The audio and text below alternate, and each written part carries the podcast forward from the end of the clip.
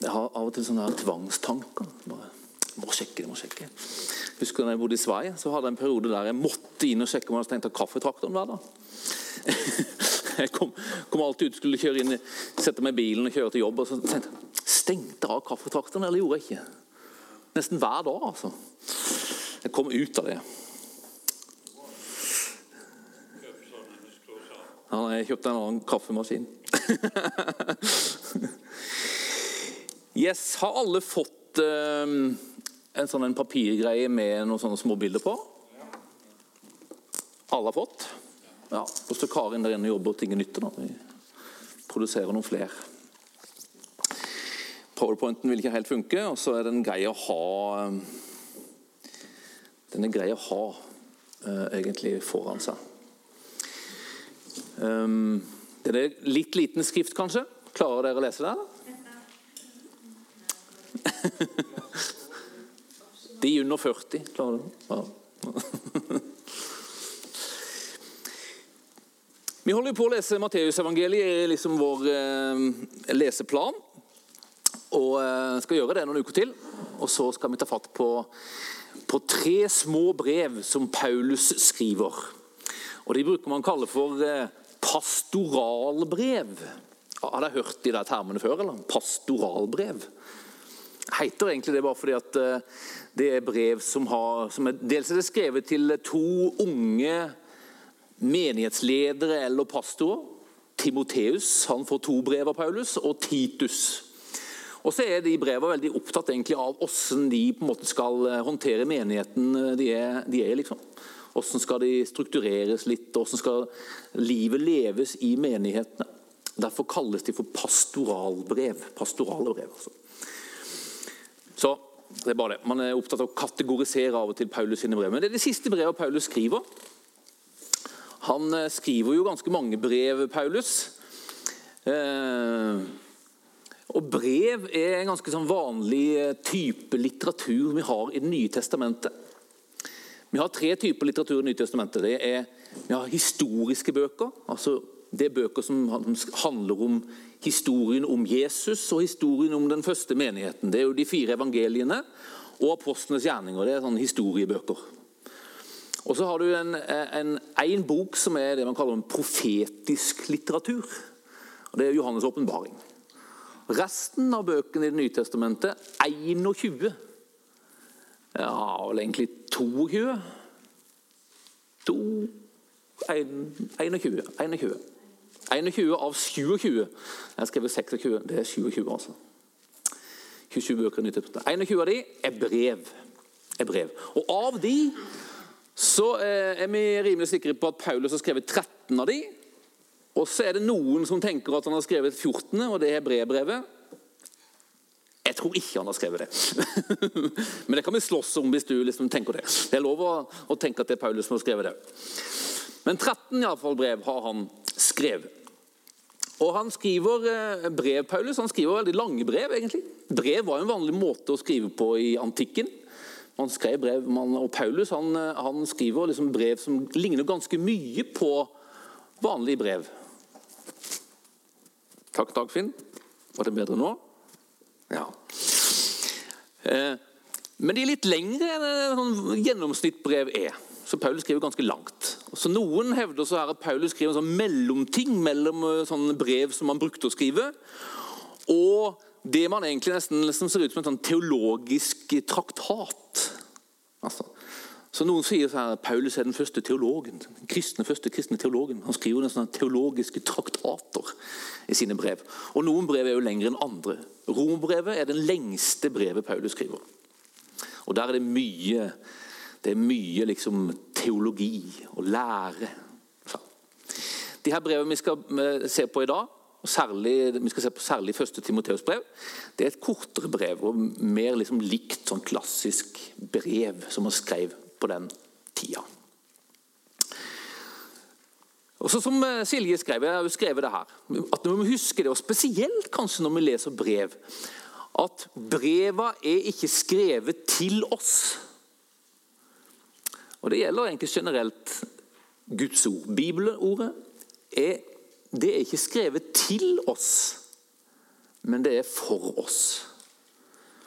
Paulus sine brev, det vi skal se spesielt på i dag, første Timoteus brev, det er ikke skrevet til oss, det er skrevet til Timoteus. Og Han befinner seg i en spesiell sammenheng, i en spesiell situasjon, i en spesiell menighet, med spesielle omstendigheter. Og det er det Paulus skriver til. Men så er det sånn da, at det her ordet som Paulus skriver til Timoteus, det er òg for oss. Men det gjør at for at vi skal på en måte forstå ja, hva, det, hva, hva, hva, vil det her si til oss, da? Av og til så må vi gå på en måte først prøve å få tak på hva er det han vil si til Timoteus. Og er det han sier til Timoteus veldig spesielt og veldig prega akkurat den situasjonen Timoteus er i? Så kanskje vi må tenke oss litt om før vi prøver å forstå hva sier det her til oss.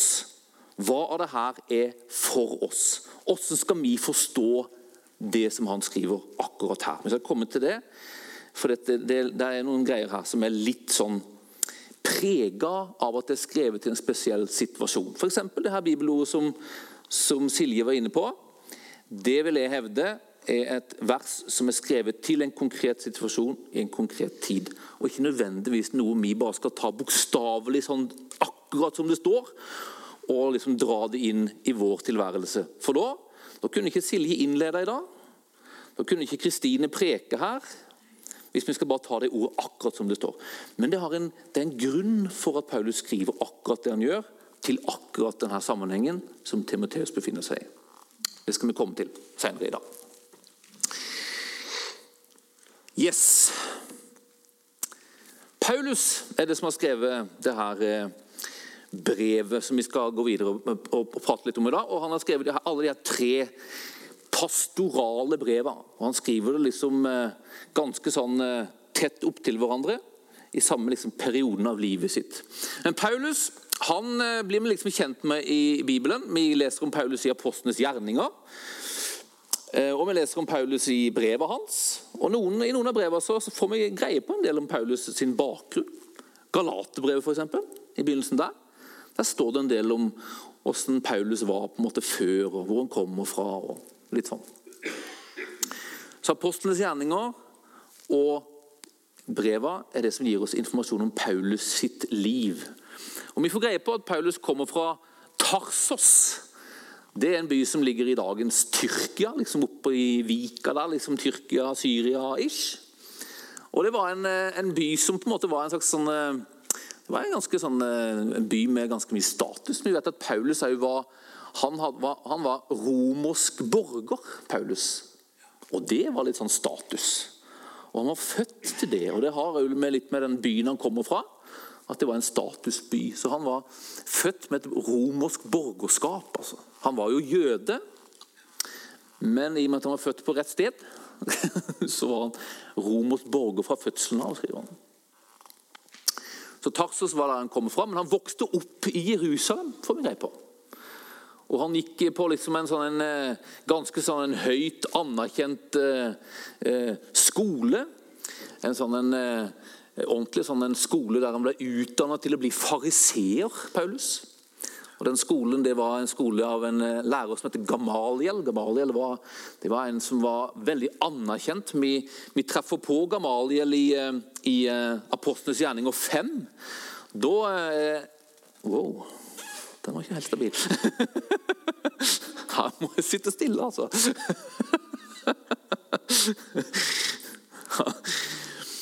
I Apostlenes gjerninger 5 så er det liksom, da er det bråk rundt apostlene, og de drøfter i rådet hva skal vi gjøre med de her eh, Jesus-tilhengerne som forkynner at han er oppstått. Og I den der liksom virvaret der så stiller Gamaliel seg opp, og så sier han de her ordene Hvis det her er eh, av Gud, så kan ikke vi stoppe det. Og hvis det er mennesker, så legger det av seg sjøl. Det er Gamaliel som sier det, og da står det at da hørte de på han.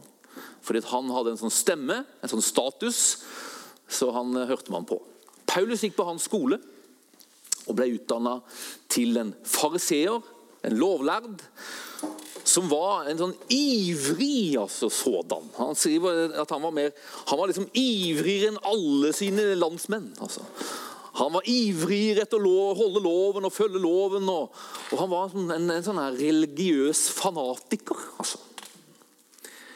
Og så var han så fanatisk at når han opplever liksom at det kommer en gjeng som forkynner at Jesus er Guds sønn, og at han er Messias, så er han enig med de som korsfester Jesus og sier at det her er spott. Og de som hevder det, de må vi fengsle, ja gjerne ta livet av. Så Paulus i den første liksom, kristne menigheten han var en ivrig eh, forfølger av de kristne. altså. Leser vi om Paulus. Helt til en dag da han er på vei til Damaskus. Og det er ikke sånn at eh, han er på vei til Damaskus av fromme liksom, eh, Eh, med fromme ærend. Han er på vei til Damaskus for å arrestere de kristne og føre de til Jerusalem i lenker. Altså. Det er det han har på hjertet. Det er fokuset hans. Og så plutselig så møter han Jesus på veien til Damaskus. Det leser vi om i Apostlenes gjerninger 9. Det er møtet med den oppstandende Kristus som blir så utrolig livsforvandlende for, eh, for Paulus. Så avgjørende at han hinter til det, prater om det, gang etter gang etter gang. Vi leser om det i Apostlenes gjerninger 9. Og så siterer han og forteller om det i Apostlenes gjerninger 22. Når han står innenfor jødene i Jerusalem, så forteller han hva var det som har skjedd med meg. Og Da er det denne hendelsen på veien til Damaskus som han peker på. Og Så gjør han det samme når han står innenfor de her kongene og landshøvdingene i Apostlenes gjerninger 26.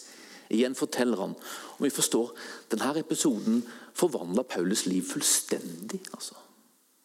Jeg har tenkt på det mange ganger. Hva, hva gikk igjennom hans hode når han forsto at her foran meg står Jesus, han som jeg har liksom forfulgt. altså. Hans tilhengere som jeg har forfulgt. Det her som jeg vil slå ned, det er sant. Han lever. Jeg har torturert folk, fengsla folk, tatt livet av folk som i virkeligheten hadde forstått det. Hva venter vi nå? Ja, Hva venta en jøde når han hadde på en måte egentlig motarbeida Gud? Ja, Nærmest spotta Gud. Hva venta en jøde da? Da venta det stein. Steining til døds. Så jeg tror Paulus, når han reflekterer over, han sitter der, for han mister jo synet Paulus i dette møtet så er det som at han tenker Hva venter meg nå? Døden. Hva får han? Jo, Han siterer det her i Apostlenes gjerning 22. og Det er utrolig sterkt å, å, å liksom eh, lese hva han, eh, hva han, skriver der. For Han skriver der liksom, Hva skjedde når han satt der, blind, i Damaskus? Så står det Der i Damaskus, vers, kapittel 22, vers 12, så står det der i Damaskus der var det en gudfryktig og lovtro mann, Ananias, som alle jødene på stedet hadde bare godt å si om. Han kom og stilte seg foran meg og sa, 'Saul, bror, bli seende.' I samme stund kunne jeg se han, og så kom det. Hva kommer nå? Fra Gud. Her kommer det en hilsen fra Gud. Hva handler den om? Handler den om død? Nei, hør. Våre fedres Gud har bestemt deg i den svenske oversettelsen eh, så, så, så, står det 'har utvalgt deg'. står det. Har utvalgt deg til å kjenne hans vilje, til å se den rettferdige og til å høre hans egen røst. For du skal være hans vitne for alle mennesker om det du har sett og hørt. står det.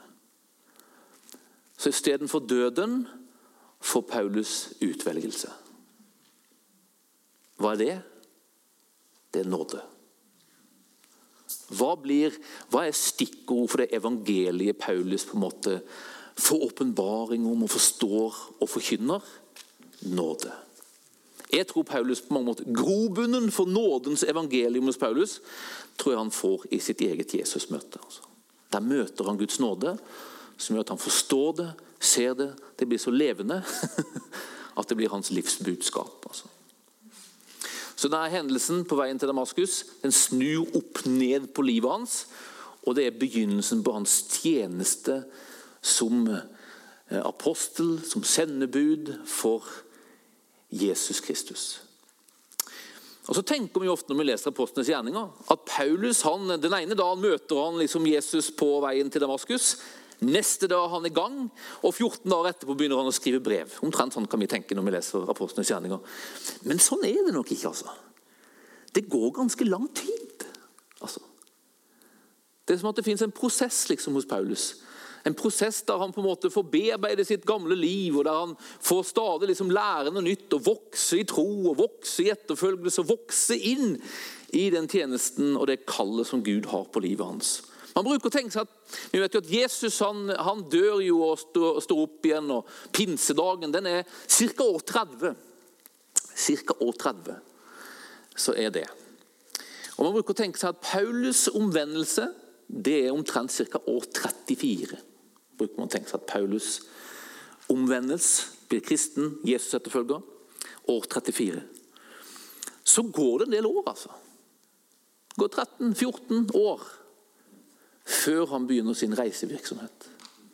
Så mellom kapittel 9 i Apostlenes gjerninger, der han møter Jesus på veien til Damaskus, og fram til kapittel 13, der han begynner å reise ut på sine misjonsreiser, så går det 13-14 år.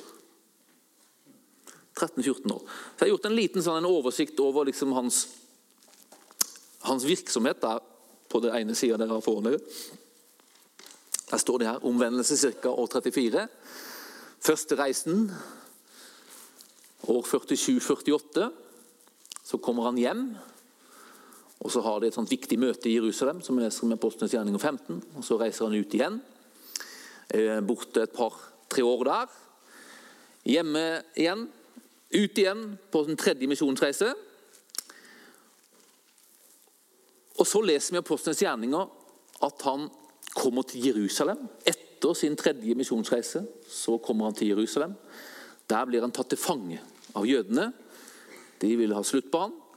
Og Så føres han til Cesarea, der den eh, romerske landshøvdingen bodde. Og så Derfra så blir han flytta til Rom, fordi han hevder, vil hevde sin sak innenfor keiseren sjøl i Rom. Det har han rett til fordi han er romersk borger. Så da kommer han dit, og så sitter han der i husarrest når apostlenes gjerninger slutter. Da sitter Paulus i fangenskap i Rom.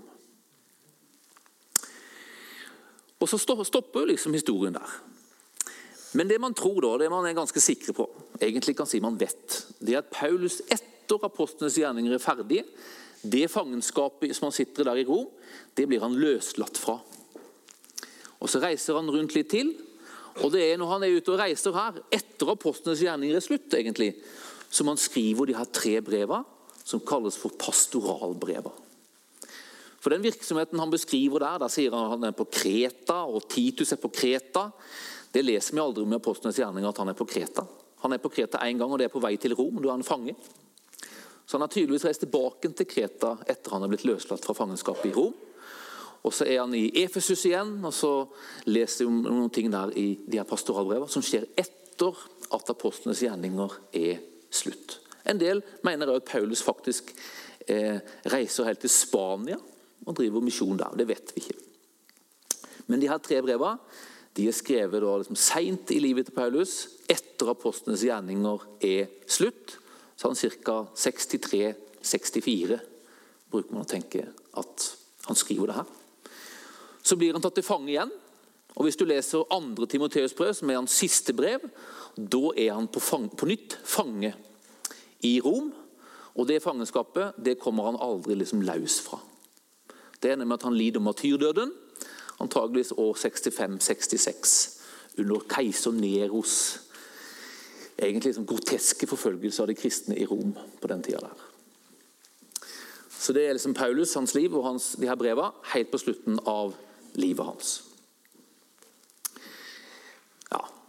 Hvis du ser videre på neste der, så står det litt der om eh, hva som gjør at vi bruker å si så her at, eh, at, eh, at de her brevene er skrevet etter apostlenes gjerninger er slutt. Og Det har blant annet med at Han noen, beskriver at han har besøkt noen steder som ikke vi ser i apostlenes gjerninger. Så De, de har han besøkt rett og slett etter apostlenes gjerningers slutt.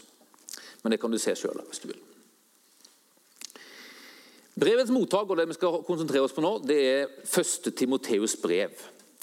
Og Han som er mottaker av det brevet der, det er Timoteus Og eh, om Timoteus så eh, får vi greie på ganske mye sånn eh, etter hvert. Og det vi forstår er at Paulus har et veldig nært forhold til Timoteus. Helt i begynnelsen av det her brevet, første Timoteus brev, så hilser Paulus Timoteus som en ekte, et ekte barn i troen. Et ektefødt barn. Og Det kan komme av at, at, at Timoteus kom til tro gjennom, gjennom Paulus sin tjeneste. Det er vi ikke helt sikre på. Det, det, det, det, ser vi ikke veldig tydelig i apostlenes gjerninger, men det er ikke mulig heller. I alle fall så har de en sånn relasjon, en sånn far-sønn-relasjon. Der er det helt tydelig at Timoteus han er på en måte, har en sånn, en, en sånn et forhold til, til Paulus som, som, ser at Paulus er en åndelig far. altså. Han, han veileder Timoteus, han hjelper Timoteus, han betyr masse for Timoteus, rett og slett. Og Vi leser om, eh, her, eh, om Timoteus. Han kommer på en måte inn i handlingen i apostlenes gjerninger 16, eh, i en by som heter Lystra. Der introduseres Timoteus. En disippel står det der, som var sønn av en jødisk kvinne. Pappaen hans var greker. Uh, uh, så det vi forstår, på en måte er jo at, eh, at, at Timoteus han, han, er ikke omskjært. Han er på en måte han er sønn av en jødisk kvinne, men fordi pappaen er greker, så virker det ikke som han er omskåret. Som, som jøder skulle være. Så det står faktisk at Paulus omskjærer ham. Drev Paulus med sånt, da? Ja, Paulus gjorde masse ting han for på en måte å, av hensyn til folk. Så det står at han omskar Timoteus pga. jødene der omkring. Altså Paulus han hadde plutselig sikte innstilt på jødene. Han ville overbevise jødene om at Jesus var den Messias de venta på. Og Av hensyn til det, fordi at Timoteus var liksom av jødisk blod, så omskar Paulus han. Så ikke det skulle bli en støtesten, rett og slett. Altså. Så Derfor ble han omskjært. Så han, eh, han var oppfostra i en, i en eh, troende jødisk kvinnes familie. kan man si. Og troende, det var, Han ble antageligvis en kristen. Og Vi leser om det i, eh, i andre Timoteus brev, tror jeg. At, at, både mammaen til Timoteus var kristen, og, og bestemora var kristen. Og at Timoteus på en måte hadde arva noen av de solide egenskapene. Det er det som at vi leser om i begynnelsen av andre Timoteus brev. Så han var liksom en del av en ganske sånn from familie. Og Vi leser også om han at, han eh, at han veldig tidlig liksom eh, ble opplært i de hellige skriftene. Så Skriftene på en måte var viktig for Timoteus. Og Skriftene er jo noe som er viktig i de her pastorale brevene. Jeg skal komme til det. At Paulus er veldig opptatt i de her brevene, og i første, første Timoteus brev, av at Timoteus skal på en måte bruke tid på Skriftene og studere Skriftene og lære ut Skriftene og forkynne Skriftene. Skriftene er viktige, rett og slett. For at ting skal bli rett, og ting skal bli bra, og ting skal bli solid. Så han var liksom eh, Han var vokst opp med Bibelen, kan man si, i hjemmet. Timoteus. Og Så blir han da en veldig sånn trofast medarbeider av Paulus. Så trofast og så mye tillit hadde Paulus til han, at han bruker han flere ganger som en sånn spesialutsender. Paulus, liksom, Når han ikke kan reise til et sted, så sender han Timoteus for å sjekke ting og for å, for å formidle ting. og sånn forskjellige ting. Og Vi leser på flere steder at de har en veldig sånn tillitsfull relasjon. For eksempel, hvis du, ikke, har, har du Bibelen med deg? eller? På bibelkveld. Filipperbrevet, for eksempel. Kapittel 2. Da sitter jo Paulus i, i, fengsel i Rom, det her fangenskapet som var helt på slutten av apostlenes gjerninger. Så skriver han til menigheten i Filippi.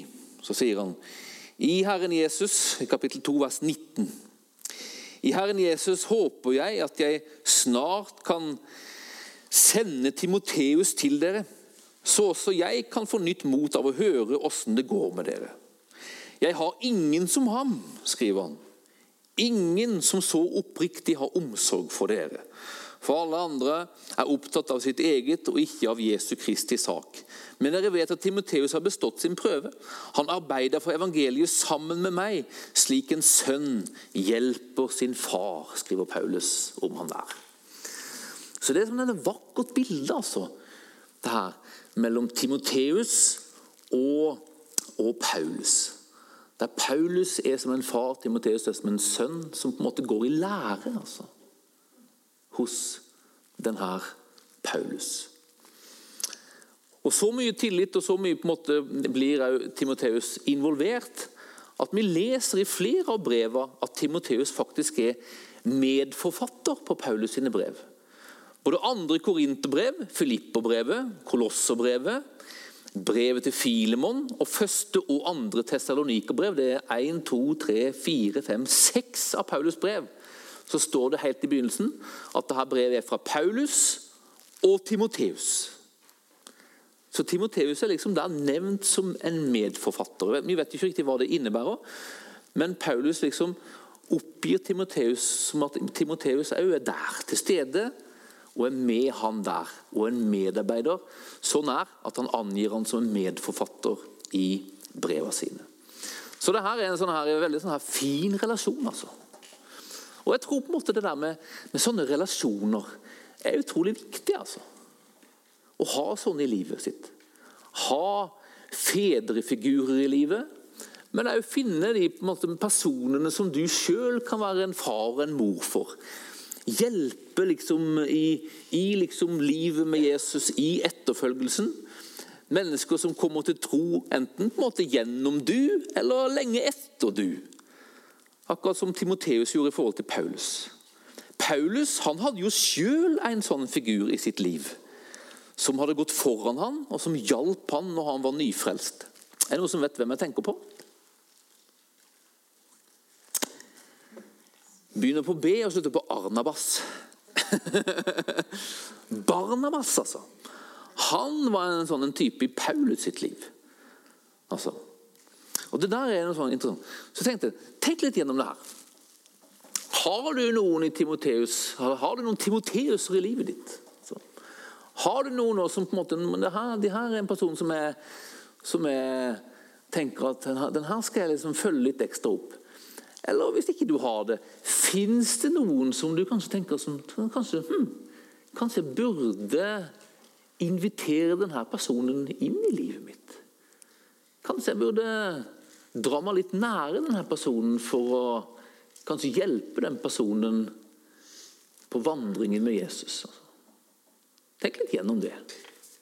La oss hoppe tilbake nå til første brevet til Timoteus. Nå skal vi begynne å gå inn i det liksom på, for eh, alvor her.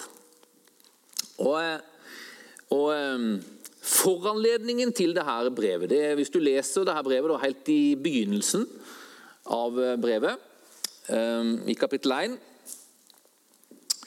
og vers 3 så står det så skriver Paulus det her til, til Timoteus. Da jeg dro til Makedonia Makedonia det er liksom litt nord for Hellas, på en måte dagens Hellas. Sånn. Ba er du bli igjen i Efesus, og Efesus ligger i dagens Tyrkia. Jeg vet ikke hvor bevandret du er i europeisk geografi, men det er liksom en, sånn, en, eh, liten sånn havsvik imellom der. Så Paulus han har vært i Efesus, og så har han dratt til Makedonia. Og da lot han Timoteus bli igjen der. Sånn at du kunne forby enkelte å komme med en annen lære, står det. Eller være opptatt av myter og endeløse slekttavler. Så Paulus har dratt til Makedonia. og Timoteus er igjen i Efesus med et lite oppdrag fra Paulus. Og Det er derfor nå på en måte, det er det som er foranledningen til at Paulus nå skriver til Timoteus for å gi ham instruksjoner. Hvordan skal du nå liksom gjøre med denne menigheten som du nå er i, i Efesus? Uh, Efesus var jo et sted som Paulus hadde vært, uh, vært ganske mye. Han var der på den andre misjonsreisen sin, og så var han der på den tredje misjonsreisen sin. og Da var han der i opptil tre år. Han hadde til og med bibelskole der. altså. Så var det som at han hadde en, en to- eller treårig bibelskole der i Tyrannos skole, før han ble på en måte fordrevet fra byen. Men da, var det, da etterlot han seg en menighet der, en veldig sånn her, si, en levende menighet, en sterk menighet, som på mange måter nå Timoteus på en måte er i, og liksom skal lede og hjelpe på oppdrag fra Paulus. Og Allerede liksom da, når Paulus var der eh, sist gang, altså, når han var der tre år, så leser vi at det var ganske mye sånn her, det var ganske mye åndelig virvar der. Altså. En del som drev med okkultisme og svart kunst og sånne ting. Og Det virker liksom som at de tinga fortsatt på en måte er liksom der og banker på og vil komme inn i denne menigheten. Og Det er noe på en måte av grunnen til at Paulus skriver dette brevet til, til Timoteus. Det er for at han skal ta i tur med det som han kaller for en vranglære. altså. En vranglære. Så kommer til dette på at det var en slags vranglære der i Efesus som Timoteus fikk oppdrag av å korrigere og rettlede i. Og Det som på mange måter blir viktig for, for liksom Paulus å si til Timoteus, det er at det som på en måte blir det viktigste redskapet i det å gjøre det, i det å korrigere ting, i det å få liksom erstatte det som er usant med det som er sant, det er Skriftene. Det er undervisningen. Det er den rette læren. Så vet, Gang på gang i liksom de her tre brevene, og også i det her første brevet, så poengterer Paulus det her. Elleve ganger i det her lille brevet på seks kapitler så sier Paulus sånne ting til Timoteus. Ta vare på Skriftene. Gi akt på undervisningen. Hold fast ved den rette læren og gi den videre. Elleve sånne konkrete oppmaninger sier liksom Paulus til Timoteus bare her i dette brevet. Så hoved, liksom En sånn hovedårsak til brevet det er å ta i tur med denne vranglæren. Og liksom etablere sannhet istedenfor løgn og det som er falskt, som vil liksom prøve å, å, å, å komme inn. Og så er det òg å gi noen instrukser for liksom livet, det daglige livet i menigheten. Det handler om lederskap. Han skal sette inn lederskap og hvilke kvalifikasjoner som finnes liksom for en som skal være leder i Guds menighet. Det kommer vi til i dette brevet. Altså. Så Han ramser opp ulike ting som skal være liksom typisk for de som skal være ledere i menigheten. Og Så begynner han å prate om gudstjenesten, hvordan den skal gå til. og Hvordan mennene skal forholde seg gudstjenesten, hvordan kvinnene skal forholde seg gudstjenesten. Hvordan man skal forholde seg til enker, blir man veldig opptatt av plutselig. Altså, det var en slags enkeordning i menigheten som han er opptatt av. Så hvordan skal livet se ut? Det er han opptatt av å si til Timoteus. Og Det er liksom årsaken til at han skriver dette brevet til, til eh, Timoteus.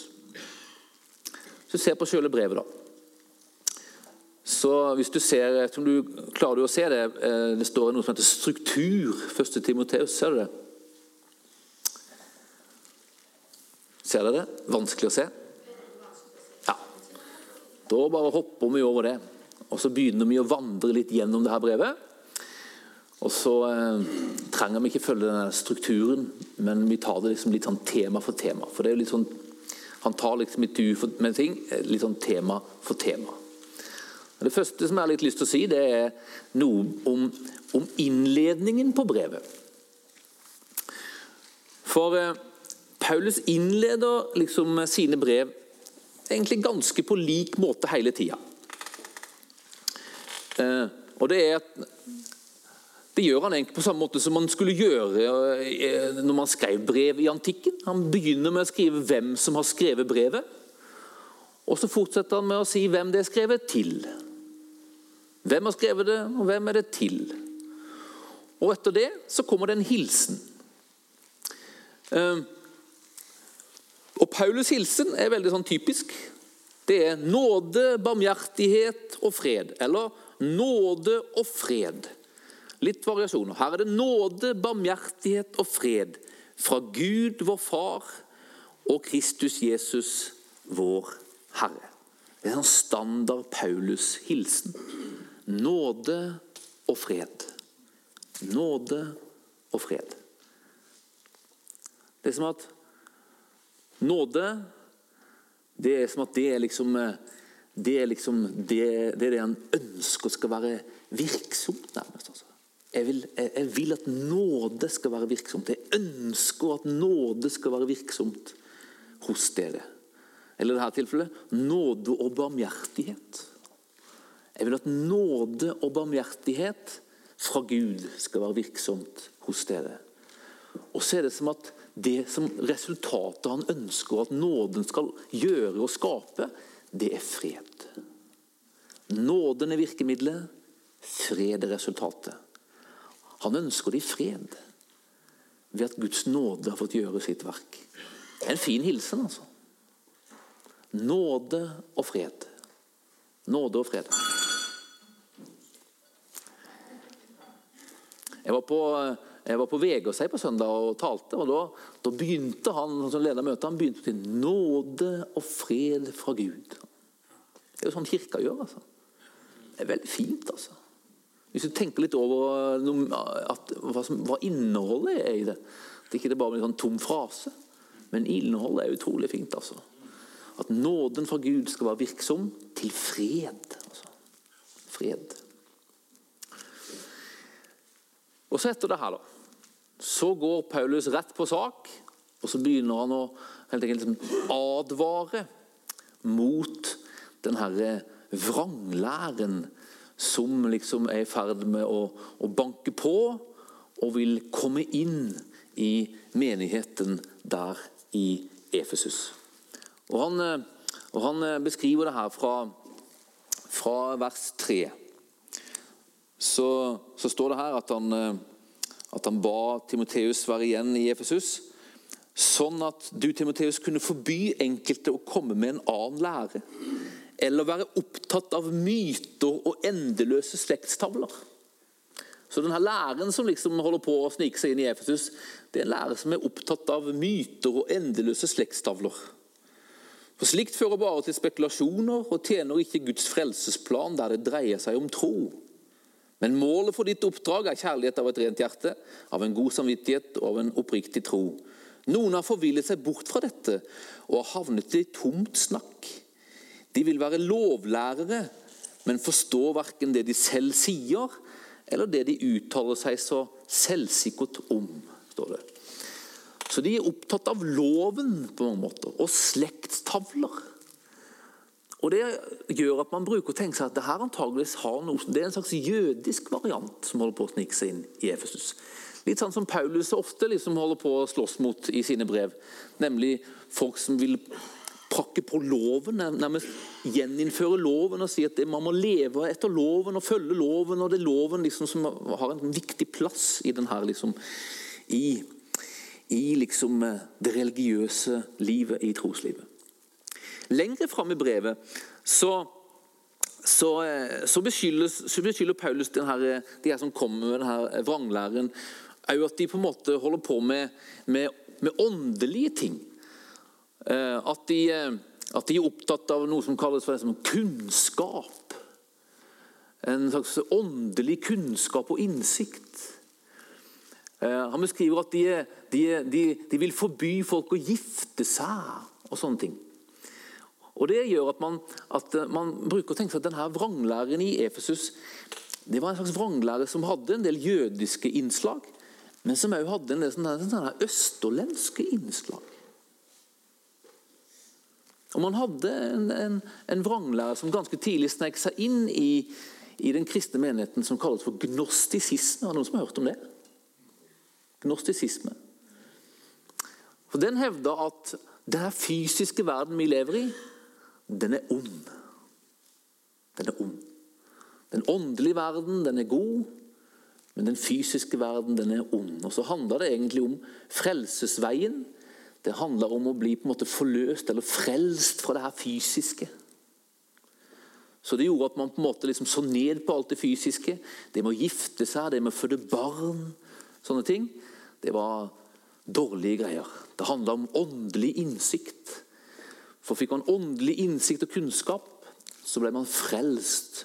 Og så ble man gjenforent med liksom det fullkomne, guddommelige, åndelige som man faktisk kom fra.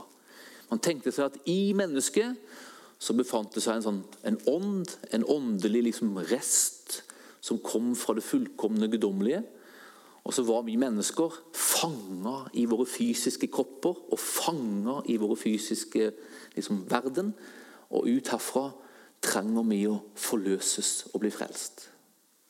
Hvis du er litt innsatt i New Age, så er det her tanker som er kjempevanlige i dagens nyåndelighet. Hvis du, bare, hvis du bare går til prinsesse Märtha, f.eks. Hun har jo en englelære, men hennes englelære sier så her I oss mennesker sier hun, så finnes det en guddommelig gnist. Altså, som er guddommelige. Men vi er fanga i det her fysiske, i denne verden, denne onde verden. Og så er på en måte hos engler er sånne budbærere fra den åndelige guden som skal hjelpe oss til denne innsikten, åndeligheten, som skal forløse oss og gjenforene oss med det guddommelige altet, bruker man ofte å si. da. Yoga har egentlig samme filosofi og tanke. Det er åndelige øvelser for at vi skal forløses fra det fysiske og gjenforenes med det, med det guddommelige altet som man tenker seg finnes der ute et eller annet sted. Så de her på en måte vranglærerne i Efesus og sånn, det er litt sånn New Age-tendenser, faktisk. altså. Og Det er litt interessant, for det gjør at måte Paulus sin medisin mot det der er litt det samme som vi på mange måter må være opptatt av når vi på en måte skal på en måte både avsløre ting som vil komme inn i menighetene, og som vil etablere seg. Hva er Paulus sin medisin? Jo, det er den sanne læren. Det er undervisningen, det er skriftene, det er ordet, det er sannheten. Altså. Det å være, det å være liksom det å, det å, kunne Skriftene, det å på en måte være, vite hva vi tror på altså. Det er det som Paulus er opptatt av at Timoteus skal, skal, på en måte være opptatt av sjøl og etablere i menigheten i Efesus, sånn at de kan holde ute denne vranglæren som vil snike seg inn. Altså. Det er interessant at det er ikke så mye nytt under solen. faktisk. Men det som på en måte blir et ord fra Paulus til Timoteus om den settingen han er i, det blir òg et ord som ganske mye vi kan ta over rett inn i vår tilværelse. For vi lever i en tid som på mange måter kan minne litt om det som fins der og da. Det finnes et åndelig, religiøst virvar rundt oss. Altså. Mange ting som vil snike seg inn og banke på, og vil komme inn òg inn i våre menigheter. Så det er det. Etter at han har prata litt, og nevnt noen sånne drag av denne vranglære der i, eh, i vers 3-7, så, så, sier han noe om loven. For det var jo en greie. De her eh, som, eh, som hadde liksom vil bringe inn denne vranglæren, de ville være lovlærere, tror du. Men det virker som at de de bruker liksom loven feil. Men nå begynner Paulus å prate om at det går an å bruke loven rett. Vi vet at loven er god når vi bruker den rett, sier han i vers 8. Og forstå at loven ikke er bestemt for den rettferdige. Kapittel 1. Første Timoteus 1 vers 9. Loven er ikke bestemt for den rettferdige, men for lovbrytere og ulydige, ugudelige syndere, spottere, gudsfornektere, og for dem som slår sin far og mor, for mordere, dem som driver hor, menn som ligger med menn, dem som driver med menneskehandel, løgnere, og dem som sverger falskt, og alt annet som strider mot den sunne lære. Så loven er, på en måte er, er, liksom, er til for de som som eh, gjør synd, eller lever i synd.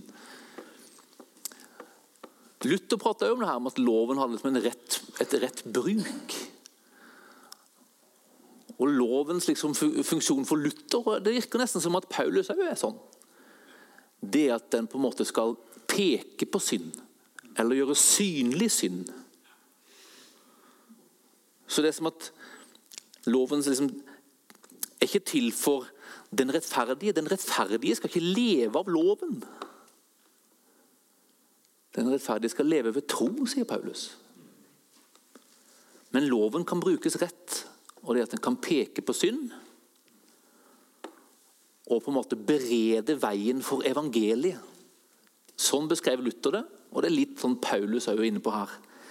Dette er i samsvar med evangeliet om herligheten hos Gud, den salige, det evangeliet som er betrodd meg. Luther mente det, at loven det liksom skulle drive en til Kristus, sa han.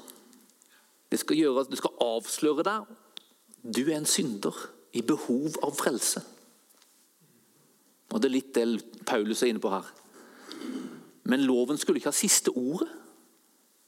Loven skulle drive til Kristus for at evangeliet skulle få vise sin kraft. Altså.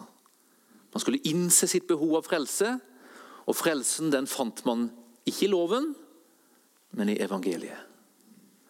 Loven den brakte bare håpløshet, men evangelium brakte håp. Men loven kan brukes rett, altså. Og det er at den får åpenbare synd. Den får åpenbare synd. Og jeg tror egentlig det her. Vi trenger på en måte vi trenger å holdt jeg på å si, Ikke mi, da, men det er som at evangeliet, eller Guds ord, da, må liksom få produsere en erkjennelse hos folk. Jeg trenger Jesus. altså. Altså Det må finnes en grunn til at mennesker skal behøve Jesus. måte. Og loven peker på grunnen. Loven virker fram, eller ønsker å produsere denne erkjennelsen. Jeg får det ikke til.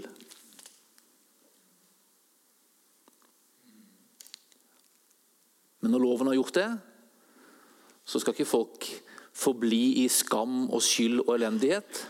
Da skal evangeliet komme som lyset, som håpet, som kraften som kan frelse. Loven kan ikke frelse. Loven bare kan dømme ut eller bringe fordømmelse. Men evangeliet handler om friheten gjennom Jesus Kristus. Så lovens rette bruk prater Paulus om det. Så kan vi hoppe litt. Til kapittel 2. Etter det der eh, om lovens rette bruk, så prater han om eh, egentlig ganske oppbyggelige ting. altså. Hvordan Gud bruker syndere, prater han om i, første, i slutten av første kapittel. Hvordan Gud bruker syndere, og så bruker han seg sjøl som liksom eksempelet. Er, er liksom eksempelet på det der, hvordan Gud bruker syndere. Hvordan nåden virker, og hvordan nåden forvandler. Og Jeg er liksom satt som et eksempel på hvilket potensial liksom, både evangeliet har og nåden har. Den forvandler. Så Det er ganske oppbyggelig å lese de siste versene der i, i 1. Timoteus 1. Gud bruker syndere. Er det noen som er glad for det? Ja. ja. Han bruker bare syndere. Altså. altså, hvis noen skulle hevde for Gud bruk meg fordi jeg er ingen synder, da skulle, da skulle Gud bare si nei, du er ikke klar. du trenger litt erkjennelse først.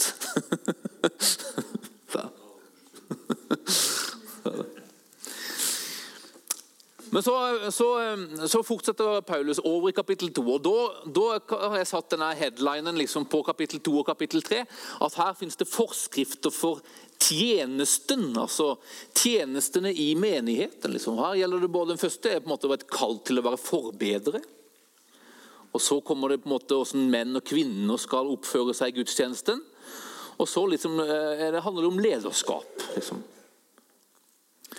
Så nå begynner vi liksom å bevege oss inn i, liksom, eh, i, eh, i eh, ting som handler om det daglige livet i, i menigheten der i Efesus. Og instrukser for det. Og Det første på en måte som Paulus sier her, 'Jeg formaner dere', sier han. Og Da er det ikke bare Timoteus, da er det dere. Så Da er det liksom resten av gjengen der i menigheten. Jeg formaner dere framfor alt til å bære fram i helt i begynnelsen av kapittel 2 nå bære fram bønn og påkallelse, forbønn og takk for alle mennesker. Be for konger og alle i ledende stillinger, så vi kan leve et stille og fredelig liv med gudsfrykt og verdighet i alt. Dette er godt og noe Gud, vår frelser, gleder seg over. Han som vil at alle mennesker skal bli frelst og lære sannheten å kjenne. Så det her er liksom Be for alle mennesker. Be for liksom byen du er i, be for kongen du er, lyder under, be for keiseren i dette tilfellet. Og Det er jo litt, det er jo litt provoserende, nesten. Det er nesten det. Skal man be for den keiseren som er keiser liksom, i Romerriket år 63-ish? Det er keiser Nero, det. Han var liksom ikke mors beste barn. altså. Han var til og med grotesk. Nå ble han antageligvis enda mer grotesk litt seinere, etter Paulus skriver det her. Men han var jo ikke noe sånn her, han var ikke noe snill, for å si det, keiser Nero. Men be for ham, sier Fordi at eh, da Be for det sånn at dere kan leve et stille og fredelig liv. Det fins et lignende skriftsted i Jeremia 29. Da er settingen litt annerledes. Da er det jødiske folk. Jeremia sender et ord fra Gud til, til jødene. Og jødene er det, akkurat i den settingen så er de i fangenskap i Babylon. Under kong Nebukadnesar. Han var heller ikke mors beste barn. altså. Og Babylon det er på mange måter liksom ondskapen i, i person, nærmest. altså Babylon. Så her, Det var jo ikke noe god situasjon. Men hva skal holdningene være der? Hva skriver Jeremia til folket, jødene, som er i fangenskap i Babylon under en liksom, ond, grotesk konge? Hva skal de gjøre? Skal de gjøre opprør? Nei. Det står sånn Bygg dere hus og bo i dem. sier han. Plant dere hager og spis frukten. Ta dere koner og få sønner og døtre. Ta koner til sønnene og gift bort døtrene deres, så de kan få sønner og døtre. Der skal dere bli flere og ikke færre. Og så, Dere skal fremme fred for den byen som jeg har ført dere i eksil, og be til Herren for den, sier han. For når den har fred, har også dere fred. Så På Det gamle og nye testamentet fins et radikalt liksom, kall til å være forbedere for byen sin, for alle menneskene rundt deg, for de som er styrer både kommune, fylke og land. Altså, be for den, for da skal det gå dere vel. Det er som at det følger en velsignelse med det der. Det er liksom som en del av oppgaven vår. og Jeg tenkte på det her i går, faktisk. Nei, ikke i går, forgårs. Når vi var på bønn her, så var Mari Laurak der. Og Så begynte hun å be. Og Så ber hun for kommuneledelse, og så ber hun for skolene, og så ber hun for barnehagene. Og så tenker jeg nå er vi der vi skal være. Altså, Vi er prester.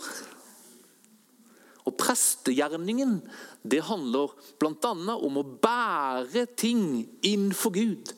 Bære byen og stedet der vi bor. Bære menneskene rundt oss. Bære de som styrer, inn for Gud. Løfte de fram innenfor Gud og be for dem. Altså. Så jeg håper å si det til Mari. Nå er vi prester. Jeg tenker Mari hun ser seg selv som en prest. Tror du det, Bjørn? Men vi er det alle mann, altså. Vi har en prestefunksjon i denne bygda. I denne bygda. Og Det som er på neste side, da, det er en ny sånn refleksjonsgreie. Du ser på neste bilde. Du klarer å lese det? Tenk litt gjennom det. Hvordan ser vår rolle ut som forbedrer i landet vårt og i bygda vår? Som gir forbedre. Hva skal vi be for? Hvilke behov må løses for at bygda vår skal bli et bedre sted? De tingene vi ser, hører om at kan bli bedre i denne bygda, det er vi kalt til å be for. Da er vi kalt til å være prester. Det er vi kalt til å bære det fram innenfor Gud, løfte det innenfor Gud og be. Altså.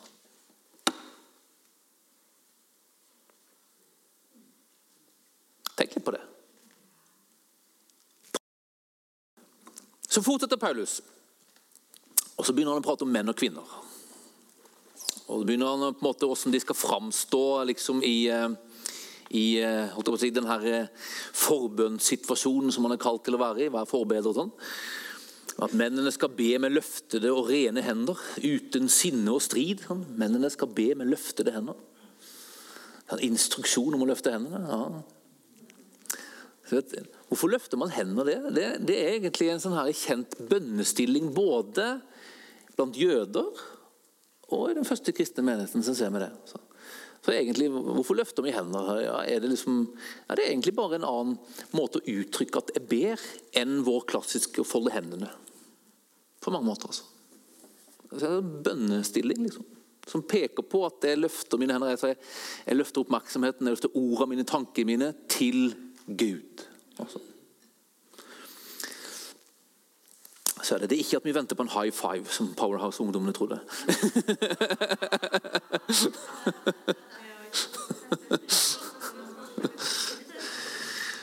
Så Han prater om hvordan mennene skal på en måte framstå i denne eh, gudstjenestesettingen. Og så begynner han å prate om kvinnene, hvordan de skal framstå. En fin framferd, står det. De skal smykke seg med måte og forstand. Ikke med alle slags fletning og gullsmykker, perler eller dyre klær. Det var tydelig at noen gjorde det altså, i denne settingen.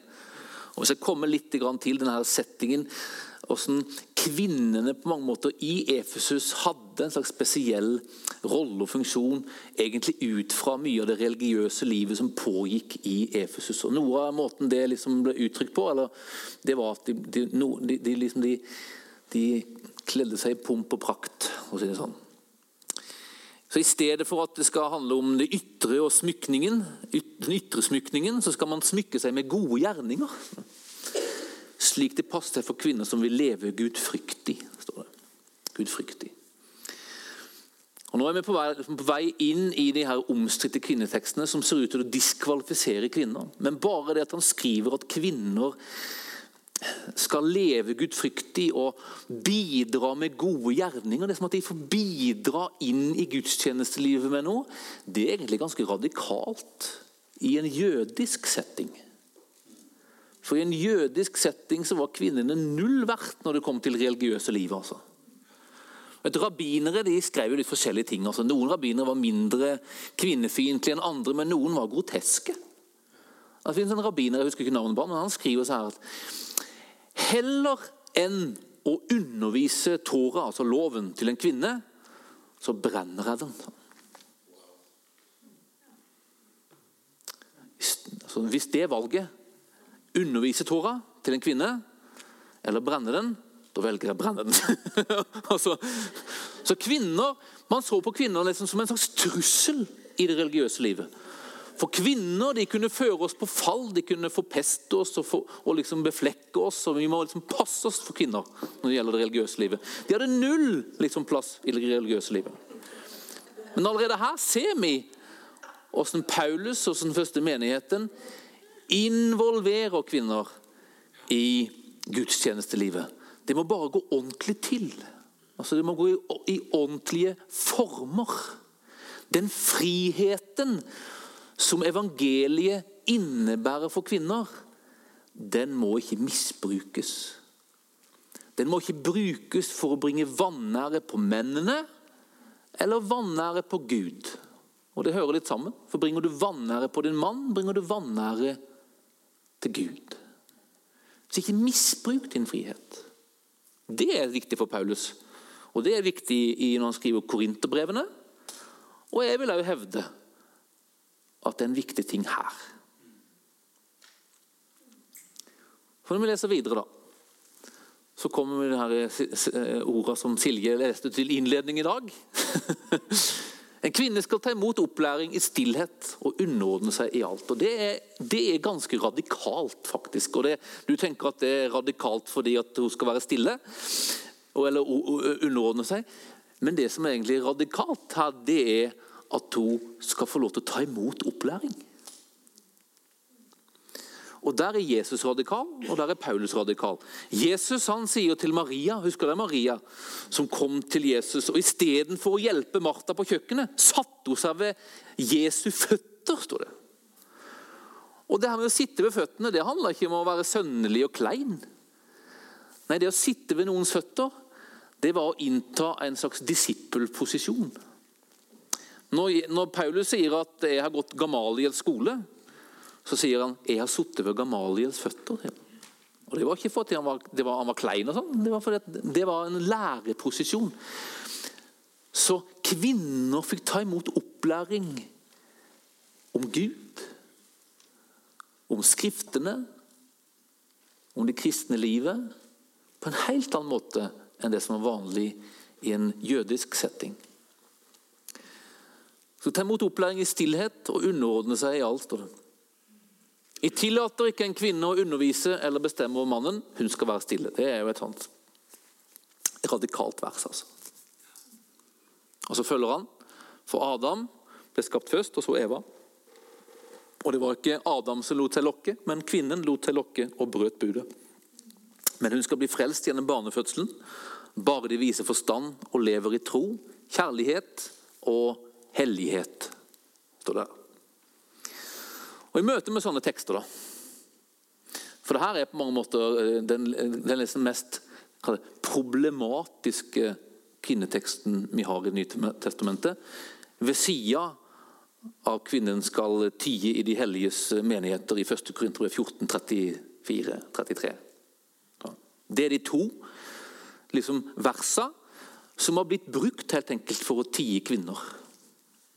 Det er de to versa framfor noen andre. Og Så har man brukt andre liksom, som støttevers, og sånn, men det er de to liksom, versene som er problematiske og vanskelige. Hvordan skal vi forstå det? Jo, Man må på en måte tenke at det, her, det er to muligheter her.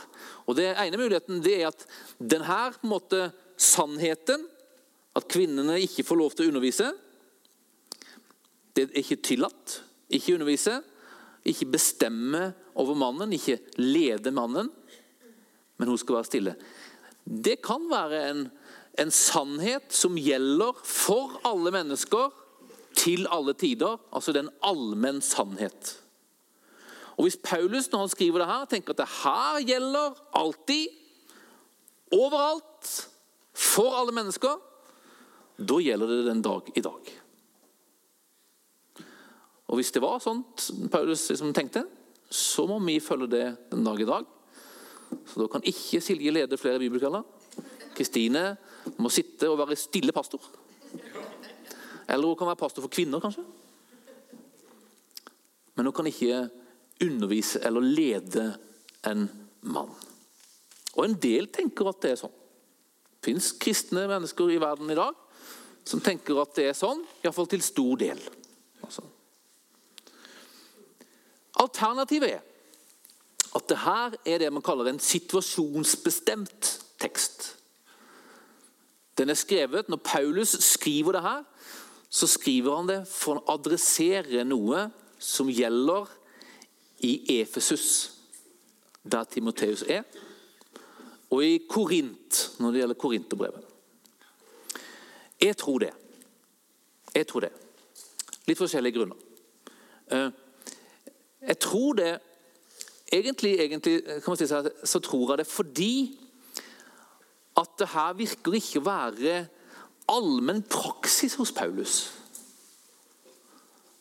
Altså, for Hvis det her var et ord som gjaldt alle kvinner, på alle steder, til alle tider, da kan vi iallfall regne med at det, det, at, det, at det, er sånn i Paulus liksom, eh, tjeneste generelt.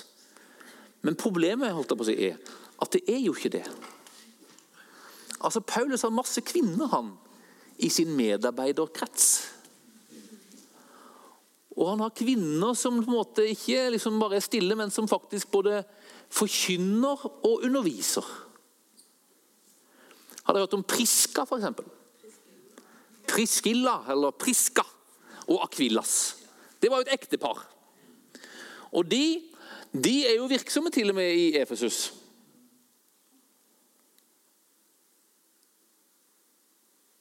Og hva gjør de? Jo, de lærer bl.a. opp Apollos. Vi leser i Rombrev 16 at de har en menighet i sitt hus. Og De som hadde menigheten i huset, det var jo pastorene som regel. Det som er interessant når du, når du hører om Priska og Akvillas, det er at Priska, altså kvinnen, nevnes før mannen. Og Det er egentlig helt uhørt i kulturen, om det ikke var så at Priska hadde den mest framtredende rollen i det medarbeiderskapet som de her to hadde i forhold til Paulus. Det virker som at hun var på en måte den ledende. At hun liksom hadde den, den, den, den, mest framtredende tjenesten av de to i den gjerning de gjorde. De var pastorer, de var lærere. Vi ser det i Bibelen. altså. Priska. Hun var ikke stille. Når Paulus hilser medarbeiderne sine i Rombrevet 16, så hilser han masse medarbeidere. Ramser opp liksom de viktigste medarbeiderne han har. nærmest.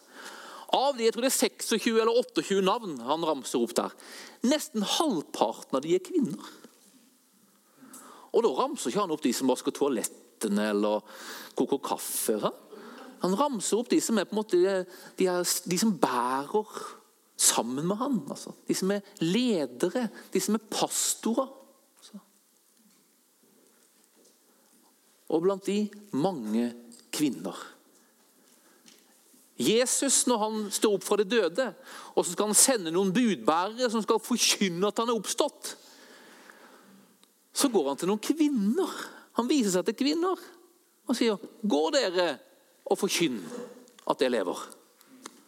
Så det er til og med de som er de første på en måte budbærerne for evangeliet, er kvinner. Så det at de skulle være stille til alle tider og ikke undervise menn. Og ikke ha lederfunksjoner i den første menigheten. Det passer veldig dårlig i hop med praksisen Paulus sjøl har i sitt ministry, kan man si sånn. Så jeg tror at det her, og jeg tror at det han skriver til menigheten i Korint, det er en situasjonsbestemt greie. Det som er interessant med både Efesus og Korint, det var at det var byer der gudinner var utrolig sentralt. I Efesus, Hvis du leser om Efesus og Paulus når han er i Efesus i apostlenes gjerninger, så, så, er det utrolig sentralt der den her, eh, eh, dyrkelsen av gudinnen Artemis, eller Diana, beskrives hun som i apostlenes gjerninger. Det var et Diana-tempel der. De hadde en hel business liksom, rundt Diana med liksom, uh, ulike eh, figurer og alt sånt der. Så Diana-tempelet var kjempesentralt i Efesus. I Diana-tempelet var det kvinnelige prester, eller prestinner.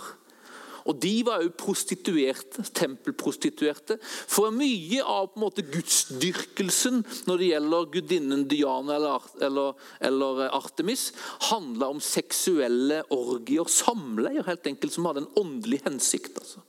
Der de her kvinnene på en måte nærmest liksom, holdt jeg på å si, i forhold til menn liksom tvang nesten menn til å underordne seg. Og så og så var det her seksuelle samlivet på en måte en del av gudsdyrkelsen av Diana.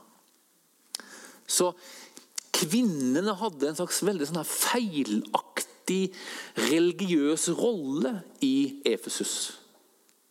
Det samme gjelder Korint. I Korint så var det Afrodite.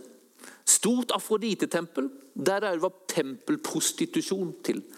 Så kvinnene på en måte som var der, på en måte kunne ofte ha en slags bakgrunn fra en veldig sånn feilaktig liksom, eh, holdt jeg på å si, forhold til menn. Det kvinnelige var liksom opphøyd på det guddommelige plan, nærmest over mennene i begge de her byene. Og Det virker nesten som at noe av det her på en måte nesten kan snike seg litt inn gjennom visse kvinner. At de her holdningene av å være over mennene Det er litt interessant, for det, det her ordet som er oversatt her, 'bestemme over mannen', det er et veldig spesielt ord. Det er et ord som brukes bare det her eneste gangen i Det nye testamentet det brukes. Og Det er et ord som på gresk heter authentein. Det bør du ikke lære deg. Men det betyr egentlig kaste seg over, eller nesten sånn mishandle. Det er et slags sånn overgrepsord, nærmest. altså. Og Visse mener jo at det har en slags seksuell undertone. Altså Det fins nesten sånn her som å kaste seg over mennene litt sånn seksuelt. altså. Så det er som at det er henta fra en sånn setting som, som, påminner om det som var i liksom, de her templene. Da.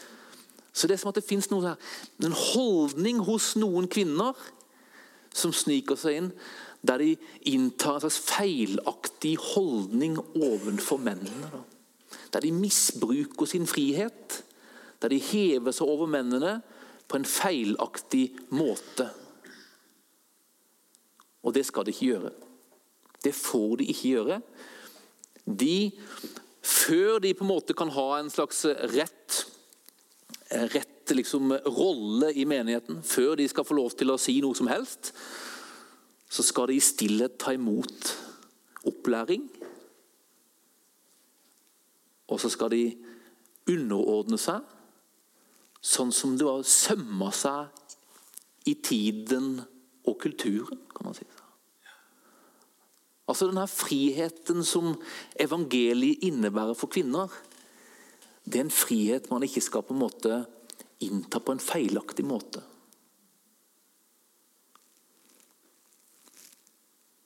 F.eks. i Korint så ber Paulus kvinnene dekke til sine hoder. Og Det er jo noe som ikke det ser ut som vi tenker at et ord som gjelder for alle til alle tider. Men i den settingen så var den tildekkingen nærmest lik våre gifteringer.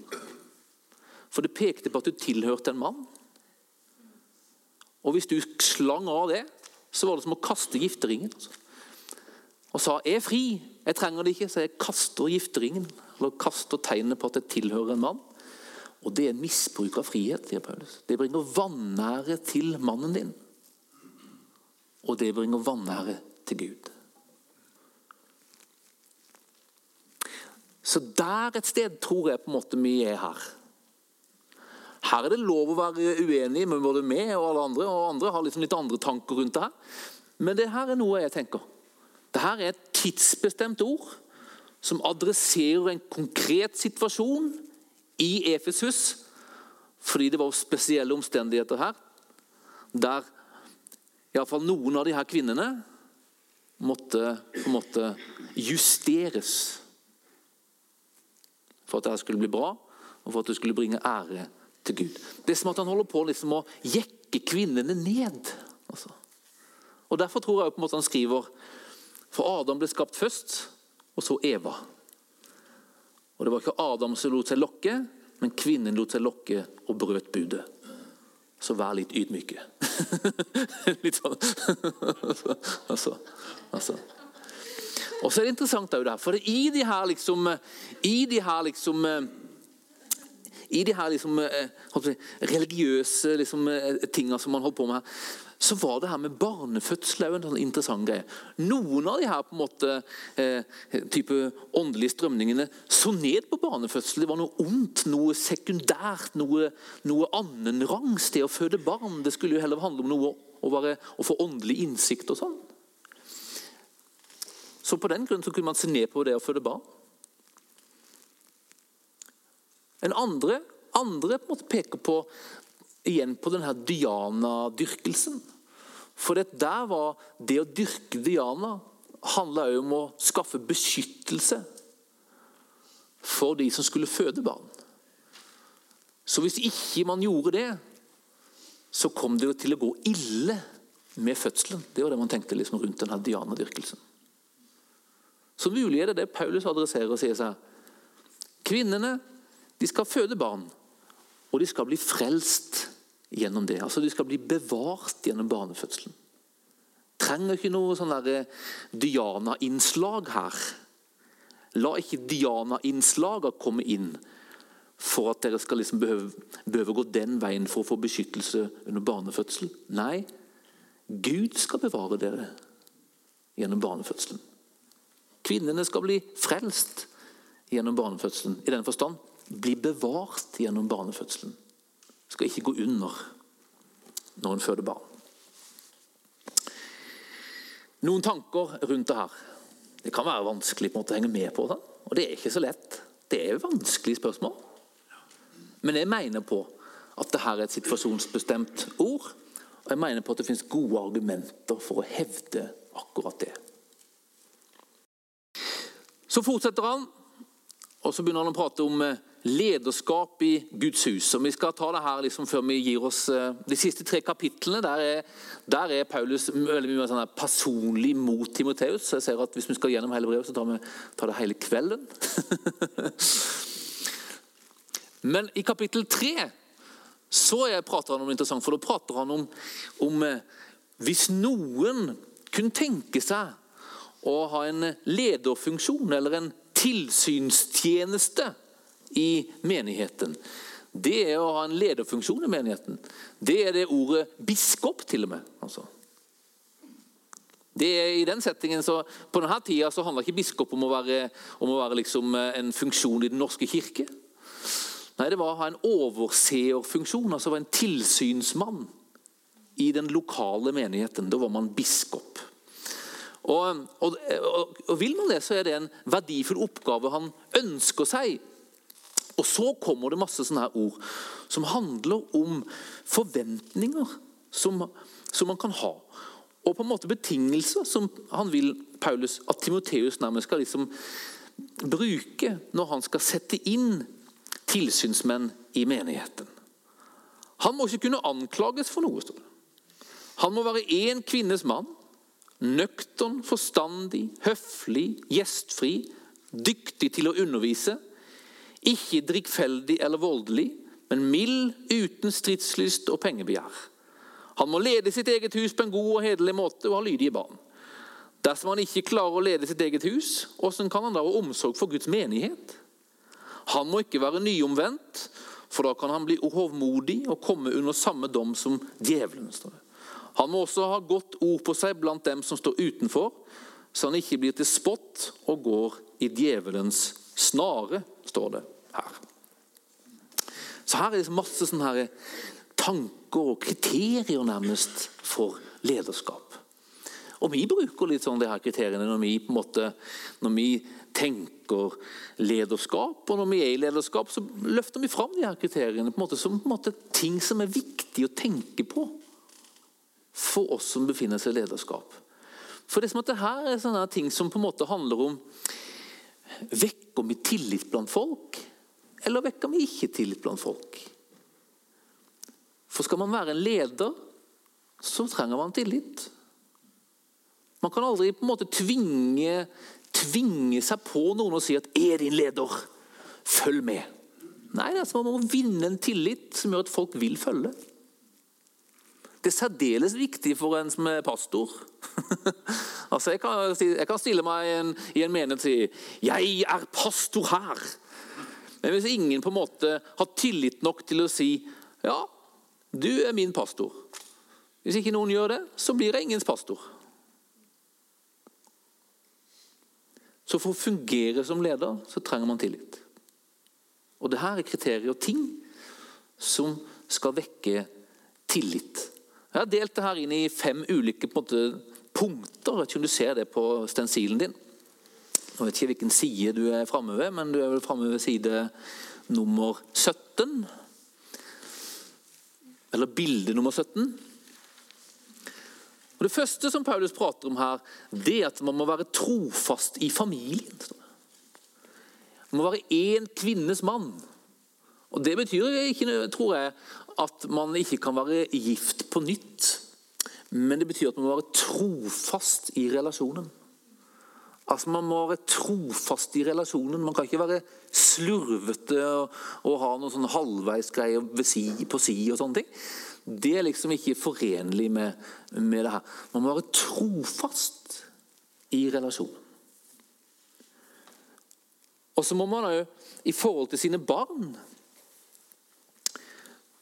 så må man kunne lede sitt eget hus på en god og hederlig måte og ha lydige barn. Dersom han ikke klarer å lede sitt eget hus, hvordan kan han da ha omsorg for Guds menighet? står det. Så man må på mange måter være et forbilde når det gjelder på en måte hvordan man forholder seg i familien. Det er på mange måter liksom eh, det er vårt første kall tror jeg, på en måte, når man har familie. Så må man forvalte det som en del av gudstjenesten din. Jeg kan ikke si at jeg er pastor, så, er det viktigste for meg menigheten. Åssen det går med Sandra og barna hjemme, det er sekundært. Nei, man må være trofast i familien. Kan man ikke, som Paulus sier, hvis ikke du kan lede ditt eget hus, da kan du ikke heller lede menigheten. Altså. Så man må, man må liksom vise at man kan lede sitt hus det er et tegn på at ja, men da kanskje du kan lede menigheten. altså. Det andre er at du må være et forbilde. En som veileder gjennom ord og handling. og Da bruker han sånne ord som å være nøktern og forstandig og høflig og gjestfri. Dyktig til å undervise, står det til og med der. Som sånne punkter være et forbilde gjennom ord og handling. Det tredje er at du må ha et bevisst forhold til sterke makter. Det eh, må ikke være drikkfeldig eller voldelig. Ikke være stridslysten og ikke ha pengebegjær. Det er liksom sterke makter det, som på en måte vil forsøke å ta over og beherske livet våre. Der må man ha et bevisst forhold som leder. Det fjerde er at man må være moden. Ikke være nyomvendt, for da kan man bli hovmodig, står det. Så det å være tjener i Guds menighet det handler ikke om å ha posisjon og makt. Det handler, det handler om å være en, altså en tjener. Det, det, handler om å være en tjener. Det handler om å komme unnenfra. Det handler om å være villig til å gjøre litt drittjobb. Når jeg kom her i dag, sto Kristian, styreleder, og vaska dassen.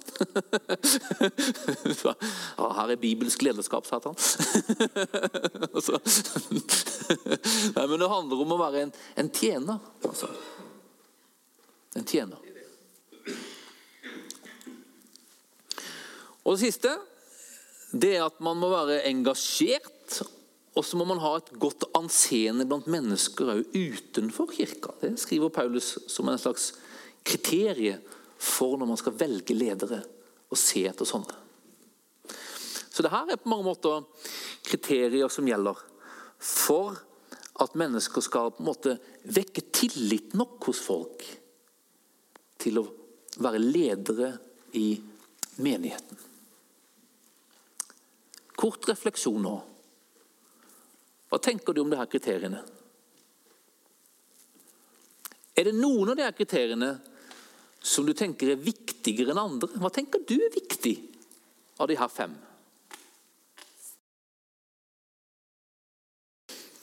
Før vi slutter, så har jeg litt lyst til å si noe om det som står i kapittel 4.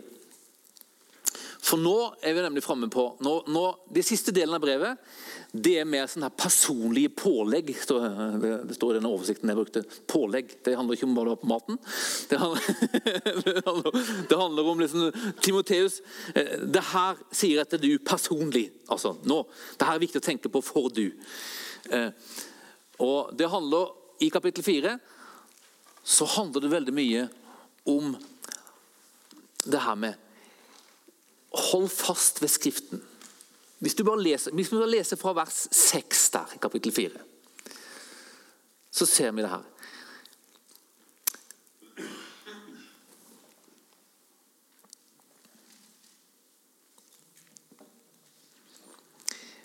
Når du gjør dette klart, og han prater litt om, eh, om det her vranglæren igjen, han har vært inne på å antyde noen ting der, at han skal på en måte korrigere det og sånn. Når du gjør dette klart for våre søsken, står det i vers 6 i kapittel 4, er du en god Kristi Jesu tjener som får næring fra troens ord og den gode lære som du har fulgt. Men vis fra deg de ugudelige mytene som bare er tom snakk. Øv deg heller i Guds frykt. For kroppslig øving er nyttig til noe, men Guds frykt er nyttig til alt. Til den er det knyttet et løfte, både for dette livet og for det som kommer. Dette er et troverdig ord og vel verdt å ta imot. Det er derfor vi strir og kjemper. For vi har satt vårt håp til den levende Gud, som er frelser for alle mennesker, særlig for de troende. Dette skal du innskjerpe når du underviser. La ingen forakte deg fordi du er ung, men vær et forbilde for de troende i ord og livsførsel, i kjærlighet, tro og renhet. Ta deg særlig av skriftlesningen, formaningen og undervisningen helt til jeg kommer. Forsøm ikke nådegaven du har, den du fikk på grunnlag av profetiske ord da Eldsterådet la sine hender på deg. Legg vekt på dette, lev i det, så alle kan se at du gjør framskritt. Gi akt på deg selv og på læren. Fortsett med det, for gjør du det, skal du frelse både deg selv og den som hører på deg. Altså, gi akt på deg selv og læren. Gi akt på det. Bruk tid på det. Altså, etabler det. Det er viktig. Det er viktig. For det er sånn, på en måte, gjennom å gjøre det, skal du frelse, redde, bevare både deg sjøl og de som hører på deg. Og Personlig tror jeg at vi er i en sånn tid der vi trenger på en måte å ta de her ordene til Timoteus til oss nærmest på nytt igjen. Jeg har på mange, liksom, flere år gått med en sånn bibelbyrde. At vi må gi Guds folk Bibelen. Altså. Det er derfor vi har eh, bibelleseplaner, det er derfor vi holder på med de her kveldene. Altså, Vi ønsker å hjelpe hverandre inn i Bibelen. Fordi jeg tror det er på den måten at vi på en måte kan bli stående i møte med det presset vi møter fra vår samtid. I møte med alle de her andre ulike verdiene og verdenssynet. Ideer og lærer som egentlig på en måte strider mot det skulle si, den sanne lære. Altså. Vi trenger Guds ord, og vi trenger å, å, å, hjelpe hverandre inn i det. Jeg har lest, I sommer så leste jeg en bok heter Daniel Sebjørnsen, som handler, om, som handler egentlig om hva er det vi tror på? Og Han sier så her, han tror så her, og jeg tror han har veldig rett. Det som gjør at unge mennesker kan klare å stå i møte de får liksom på universiteter og høyskoler, det som gjør at vi som menigheter kan stå i møte med presset som vi utsettes for i dag, det er at vi vet hva vi tror på. Vi vet hva vi tror på. Og Så siterer han et, et, et ordtak som jeg tror er veldig veldig sant i her, denne sammenhengen. Det, det står Den som ikke står for noe, faller for alt. Altså, Vi må stå for noe, men vi må framfor alt stå på noe. Altså. Vi må stå på noe, forankra i noe, bevisste på noe, trygge på noe. Være trygge på hva vi tror på. Og det er det som gjør at vi kan bli stående i møte med alt som vil blåse oss over ende. Og så tror jeg òg at det er det som gjør at vi samtidig som vi står, òg kan gå nær. For vi er kalt til å gå nær mennesker. Altså Veien til å klare å bestå og stå, det handler ikke om å gjemme seg i skogen og bli en sekt av frykt. Nei, veien til å stå i denne verden, det er å bli trygge på hva vi tror på. Og er vi trygge på hva vi tror på, så kan vi stå fast og samtidig gå nær mennesker som tenker annerledes enn oss, som tror annerledes enn oss, og til og med påvirke og hjelpe mennesker til Han vi er trygge på. altså. Vi trenger trygg tro.